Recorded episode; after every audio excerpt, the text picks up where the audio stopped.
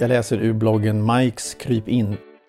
Valborgsmässoafton 1957 så bildar personerna T. Bjerke, M. Bjerke, G. Åkerlund, B. Jansson och U. Holm aktiebolaget Matreco. Enligt stiftelsekungörelsen som publicerades den 6 maj i Svenska Dagbladet samma år skulle man ägna sig åt tillverkning och försäljning av grammofonnödenheter. Sedan dröjer det ända till den 6 mars 1963 då plötsligt Matreko gör sin publika presentation i form av en pressrelease som publiceras i många av dagstidningarna. Och nu är det bilverksamhet som är det nya. Välkommen till Spionpodden!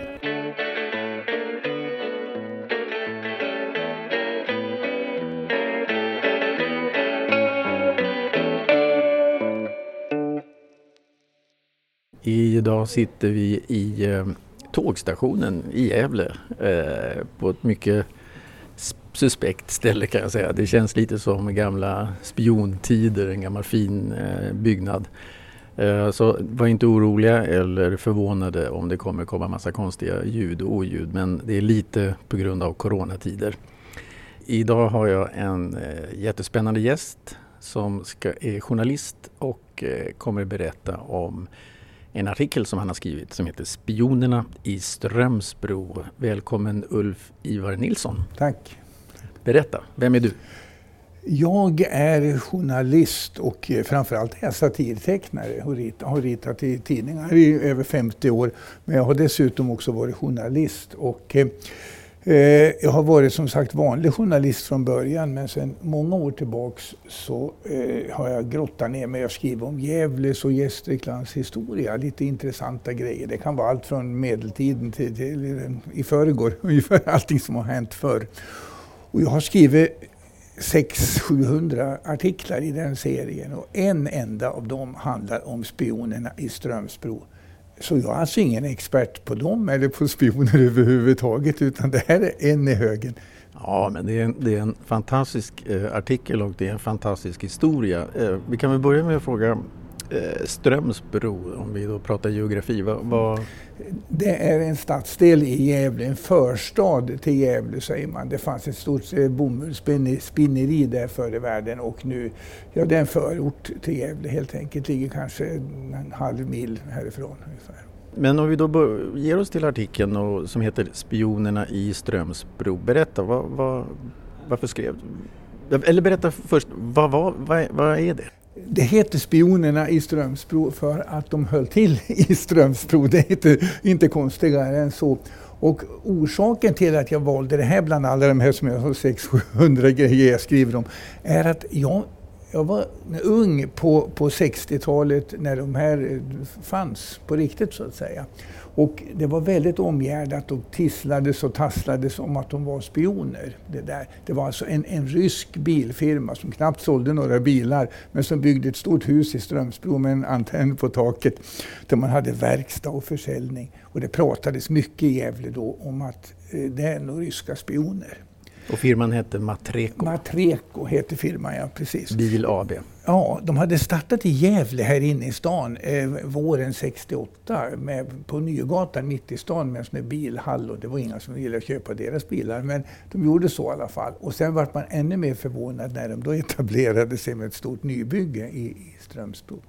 Det där låg i mitt medvetande sedan 60-talet och när jag nu 2014 bestämde mig för att skriva om det där då började jag med att skriva ett, ett mejl till Säpo och fråga om jag kunde få ut handlingarna. För jag visste inte om de var spioner, det var bara vad som pratades med. Och Eh, Säpo hänvisade mig till Riksarkivet och från Riksarkivet fick jag mejl där det stod att eh, det här är sekretessbelagt i 70 år. Så välkommen tillbaka 2040-talet någon gång. Och eftersom jag är 100 år då ungefär så tänkte jag kan inte vänta så länge utan jag måste skriva vad som går att skrivas. Så att jag plockade fram alla tidningsartiklar jag hittade från den tiden i Gävle-tidningarna. Och då var det liksom mer sensation när det varit avslöjat och sådär. När jag hade fått det här avslaget ifrån Säpo, eller rättare sagt att jag skulle skjuta på det så pass länge. I samma veva fick jag höra talas om att Olof Frånstedt Brett, gamla operativa chefen för Säkerhetspolisen. Hade kontraspionage till och med? Kontraspionage, ja. okej. Okay. Då hade han gett ut eh, någon memoarbok som heter Spionjägaren. Och den skaffade jag och då hade han några rader om, eller några rader, en och en halv sida om Matreko. Och där bekräftade han i alla fall att det var en spion. Jag fick ju liksom svar på min fråga, var de spioner eller var det bara ett rykte det här var? Och då fick jag ju reda på lite grann mer. Men hur det började var egentligen det var alltså slutet på 60-talet som Matreko etablerade sig i Gävle. Och sen i oktober 1971 så hade Dagens Nyheter en stor artikel om det här, ett avslöjande. Leif Dalin hette den journalisten. Och då berättade han att Matreko var en rysk spion, en sovjetisk spioncentral. Han skrev inte just någonting om Gävle utan han skrev om huvud, huvudkontoret som jag vet inte om det låg i Bromma eller Lidingö. Jag har hört båda uppgifterna. Jag påstår Bromma i min text, men jag har hört Lidingö också, så jag vet inte. Dagen därpå hakar naturligtvis Gävletidningarna på det här och åkte ut till, till Matreko i Strömsbro och sa, är det sant att ni är ryska spioner ungefär? Nej, sa chefen där, disponent Tage Nilsson. Så att alla i Gävle visste att det var en, en rysk spioncentral, utom chefen på stället. Han hade ingen aning om det, hade aldrig hört talas om det. Och han sa att om det är det så har jag ingenting med det att göra och grabbarna på verkstaden har ingenting med det att göra. Men han berättade att, att de gick med förlust, att de knappt sålde några bilar och att det kom ryska mekaniker som inte kunde någonting om bilar och bodde där. De hade en övernattningsrum och så. så att, det är klart han antagligen visste. Han sa upp sig med omedelbar verkan i alla fall. Det får vi också ta som ett tecken på att han visste nog vad det handlade om. Eller... Efter den här artikeln? Ja. och han hade varit väldigt frispråkig i Dagens Nyheters artikel och berättat om, om det här att det kom ryssar på besök som inte kunde någonting om bilar. Och det bekräftade han också för, för Gävle-tidningarna. Där alltså. Men du, eh, du, du skriver i artikeln att, att han säger att de sålde bara 271 ryska bilar i hela Sverige. Vilket väl är väldigt lite. Ja, bara 47 i Gävle hade han sagt också. Där, så att, jag vet inte, det kanske var mycket att sälja en i veckan av de där skräpbilarna. Jag vet.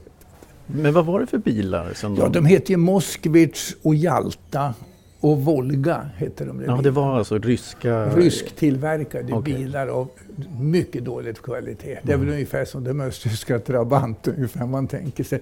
Och det var väl nästan bara organiserade kommunister som köpte de där bilarna, vad jag kan tänka mig. Var svenska kommunister? Svenska, jag ja. menade, ja visst, det tillhörde väl att det kunde vara så.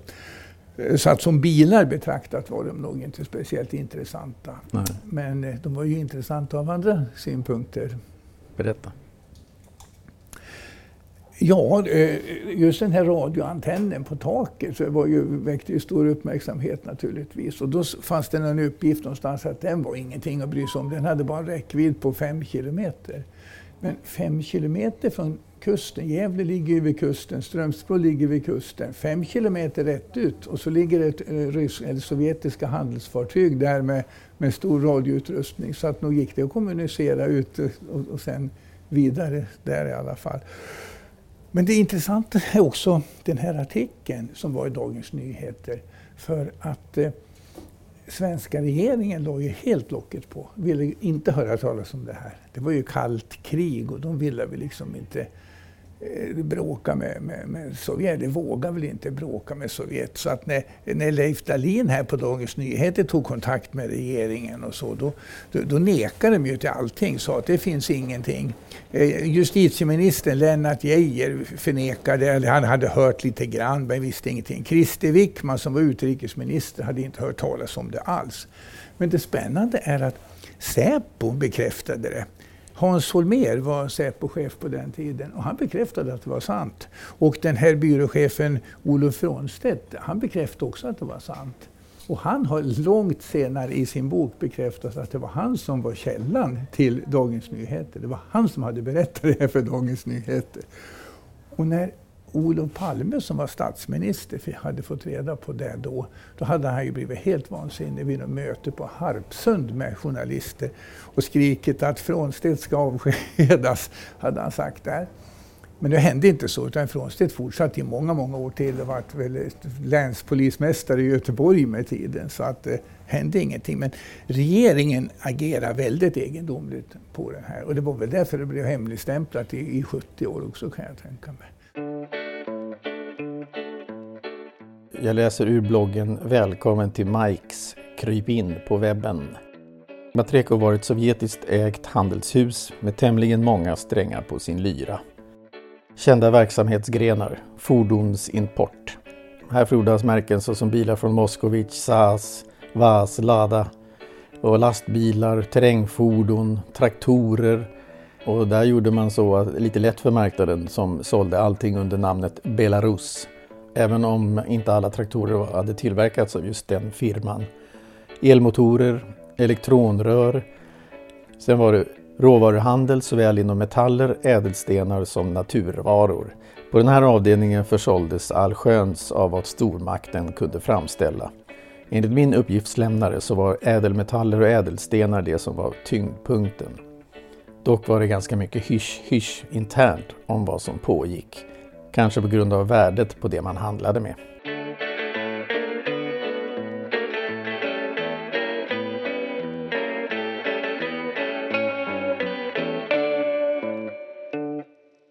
Jag har ju gjort lite research. Eh, Vad jag förstått så sysslade de eh, med att de importerade traktorer, elmotorer och elektronrör och råvaruhandel såsom metaller, ädelstenar och natur varor. Vad, var, har du hört talas om det? Nej, de importerade väl rimligtvis de här eh, bilarna som de sålde. Men vad jag också vad jag kan säga är att Säpo upptäckte att det fanns en lastbilstrafik. Det, det fanns också ryskregistrerade lastbilar som åkte runt i Sverige och eh, iakttogs på väldigt egendomliga ställen där de inte skulle vara. Där det fanns till exempel hemliga flygplatser och andra sådana här försvarsgrejer. Där kunde det stå en rysk långtradare parkerad. Och de hade nog kommunikation med eh, Matreko. Om de nu styrdes därifrån eller om de rapporterade dit, det vet jag inte. Men någon connection fanns det mellan dem uppenbarligen. Och det irriterade ju Säpo. Mm. För att det tydligen inte bekymrade svenska regeringen speciellt mycket. Men, men Säpo var väldigt upprörd över det där. De här lastbilarna, vad, hur menar du att de skulle ha kontakt med Matreko? Hur menar du då? Ja, jag vet ju inte. Nej. Med radiokommunikation, det fanns ju inte mobiltelefoner på den tiden, men någon form av radiokommunikation måste de väl ha haft i alla fall.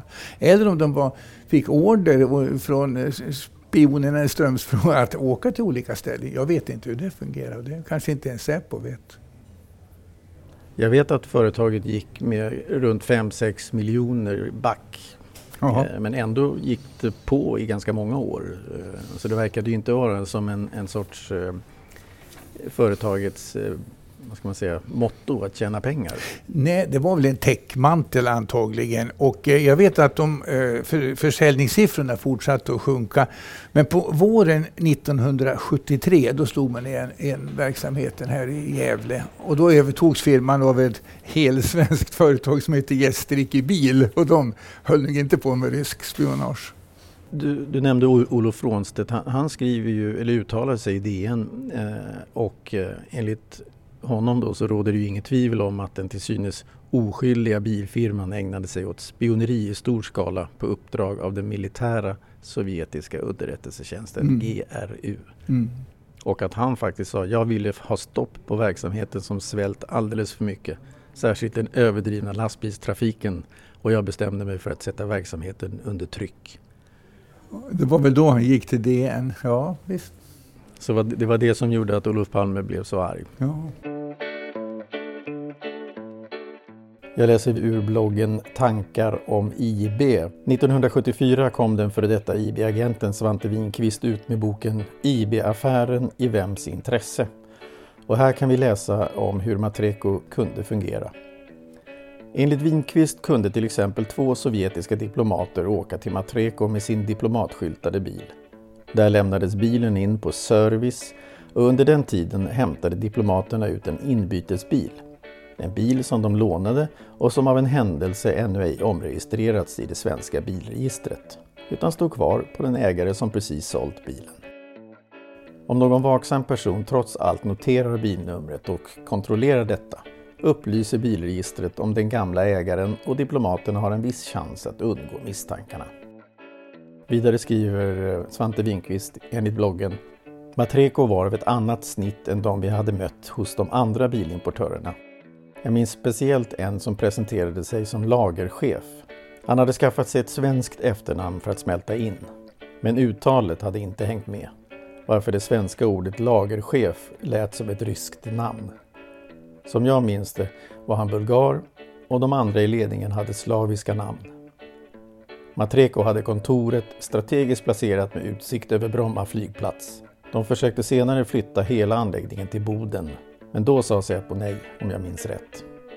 När mitt företag granskade bolaget var det uppenbart att verksamheten inte bedrevs i vinstsyfte precis. Men så länge vi fick betalt var det inga problem för oss.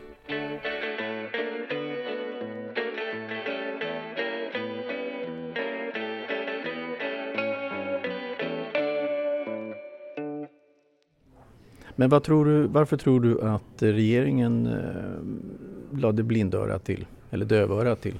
Ja. ja, det var ju som sagt det kalla kriget och, så, och, man ville väl inte reta upp den stora grannen. Jag kan tänka mig att det berodde på det. Man kanske, jag vet inte precis politiken just då, men man kanske försökte bygga upp något, sort, något sorts förtroende mot dem och inte reta upp dem. Man hade ju det här med Raoul Wallenberg som man, man nämnde och försökte locka ur ryssarna uppgifter om också. Och det kanske, man kanske var noga med att ha diplomatiska förhållanden som funkar. Jag, jag vet faktiskt inte. Alltså du, du, du tror att kanske Raoul Wallenbergs vara eller icke vara kan ha haft med saken att göra? Jag vet i alla fall att Tage Erlander vid sina besök i Sovjet och när Sovjetledare var hit, att de pratade om honom. Så mer än så vet inte jag. Nej.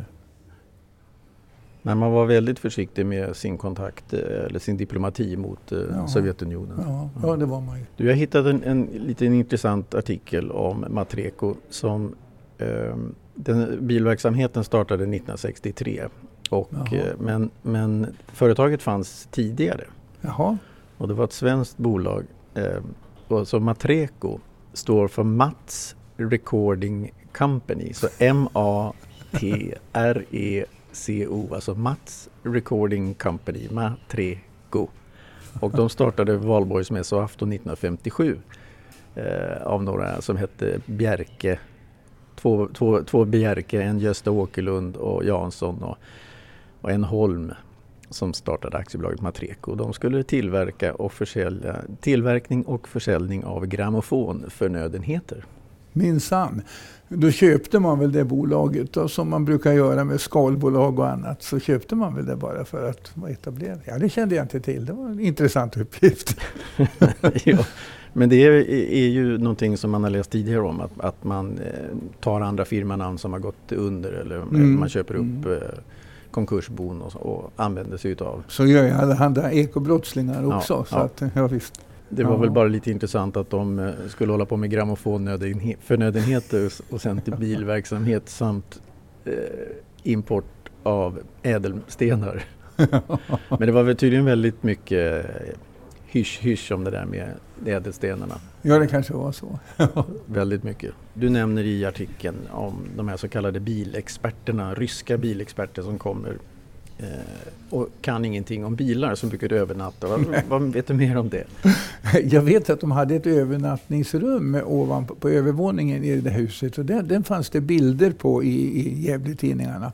Liksom den här lilla radiosändaren fanns det också bild på. Men det här övernattningsrummet, det, det, det kom alltså ryssar, sovjeter, sovjeter till Strömsbro. Och påstods att de skulle ha hand om reklamationsärenden. För att jag antar att det var gott om sådana på de där skräpbilarna.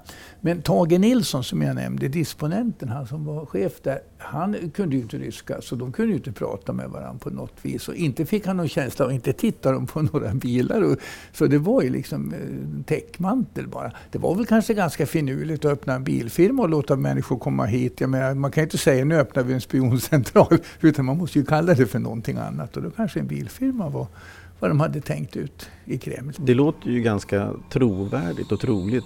Framförallt om man då tänker sig med den här stora radiosändaren som inte var så himla stor men den satt ändå mm. eh, inne i den här filialen. Eh, berätta lite mer om, om jag vet att, det, att du har skrivit om att det stod massa handelsfartyg och hög, ute, utanför ja. kusten i Sverige. Och vad var det som var så speciellt med att det fanns en radiosändare där? Alltså den satt väl fantasin i rörelse hos Gävleborna för att det ryktades, kanske lite på skämt eller lite sådär, att det här är nog en spioncentral. Man hade ju inga som helst belägg för att det var det. Det såg ut som en vanlig bilverkstad. Det stod ju gubbar där och lagade bilar så det var ju precis som vanligt. Men så var det, vilken bilverkstad har en jättehög radioantenn på taket? Eh, väl, jag vet inte hur hög den var men den var uppseendeväckande hög så kan vi säga i alla fall att folk la med. Och med tanke då på att man visste vilka som som fanns under masten. Eh, och det visade sig sen att, eh, att eh, man kunde sända ifrån den där fem kilometer. Det kan hända att man kunde sända längre, men jag har fått uppgiften fem kilometer. Men det låg ju ryska handelsfartyg ute i Gävlebukten och det var inget konstigt med det, för Gävle är en stor hamn med trafik från, även från, från Ryssland. Jättestora båtar som kommer till Gävle. och de kunde ju till och med ligga i hamn så de kunde nå dem på, på det viset. Uh, och, och, där vet man, där kunde de ju ha hur starka mottagare och sändare som helst. Det hade vi ju ingen insyn i på något vis. Så det är väl därför att det, kontakten, om man nu inte kunde sitta i Strömsbo och skicka radiovågor ända till, till, till Ryssland så kunde man åtminstone skicka det till Fredriksskans som hamnen heter här. Och där kunde man ju vidarebefordra det. Det är väl så tankarna har, har gått med det här. Du, du nämner att, um, att det var många eh, både inom det civila och militära flyget, eh, svenska då, som klagade över ständiga störningar över Gävle. Ja just det, det hade jag också skrivit. Ja, berätta lite. ja, men det var nog bara en tidningsuppgift som jag såg någonstans. Ja. Antingen var det i DN som jag hade några artiklar om det här, eller också var det på uh, i Gävle-tidningarna, Gävle Dagblad och Arbetarbladet som skrev om det här faktiskt. Det är konstigt det med DN, med Dagens Nyheter. Jag läste i Frånstedts bok att eh, cheferna på Dagens Nyheter var inte särskilt förtjusta i den här artikeln heller. Man tycker de skulle väl jubla och tänka vilket skåp, vilken bra grej. Men eh, det blev ju tvärtom. De skällde ju på Säpo för att Säpo hade tipsat tidningen ungefär. Var på Frånstedt, som jag var tipsaren, fick säga att men det är väl inte jag som är ansvarig utgivare för tidningen. Det tycker jag är en liten kul anekdot som han har i sin bok. Alltså. Så spionchefen tvingas eh, nästan be om ursäkt? ja, precis. Att för att han har tipsat tidningen om en kanonnyhet. Det är väldigt egendomligt. Det står inte vilken chef det var på DN som uppförde sig så, men eh, ja, det skulle vara kul att veta. Och det kanske säger en hel del om stämningen i Sverige eh, på 60-70-talet?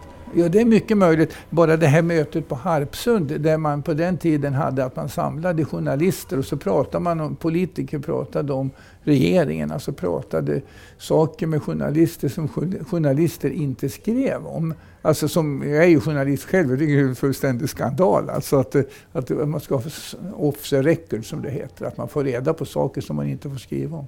Det har jag aldrig ägnat mig åt. Och vem gav de uppgifterna? Jag, vad, eh, vad jag förstår så samlade regeringen ihop journalister lite då och då. Så berättade de hemligheter för journalisterna som journalisterna inte skrev om sen. Det tycker jag är förfärligt. Off the record kallas det där i branschen. Helt förfärligt tycker jag.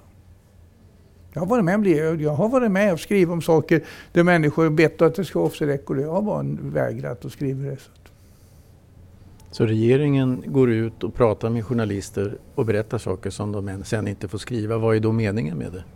Ja, de brukar motivera det med för att ni ska vara informerade och för mm. att ni ska känna till bakgrunden och sådana där saker brukar man få höra. Okay. Det köper inte jag. Ja, jag, jag, jag, tycker det här är otroligt spännande och roligt. Men jag tänkte ändå om vi skulle försöka avsluta det hela med eh, samma dag som eh, det här avslöjandet i DN kom så eh, händer det någonting med, med disponent Tage Nilsson. Va, vad är det som händer med honom? Det, men han sa ju upp sig med omedelbar verkan där. Och samtidigt så kallades chefen för Matrekos huvudkontor eh, till sovjetiska ambassaden. Eh, medan hans närmaste man, Gavrilov, fick möta pressen. Och han stod och sa på en presskonferens, vi är inga spioner. Allt som påstås är lögn och varken våra svenska eller ryska anställda känner till det vi anklagas för. Fotografier på radiosändare och antenner bevisar ingenting. Det var vad han hade att säga. jag tycker det var ett väldigt, väldigt bra avslut på det här avsnittet mm. och jag får tacka dig Ulf Ivar Nilsson för att du ställde upp. Tack! Tack! Och glöm inte att gå in på Facebook på vår sida Spionpodden eller Instagram Punktpodden. Där lägger jag upp en hel del intressant eh, extra material från det här avsnittet. Bland annat Ulf Ivar Nilssons artikel som eh, initierade mig till det här men även en hel del research som jag hittat på nätet som jag tror att ni kommer, kan ty eh, kommer tycka är lite kul att titta på och läsa. Så tack för idag. Vi hörs. Hej hej!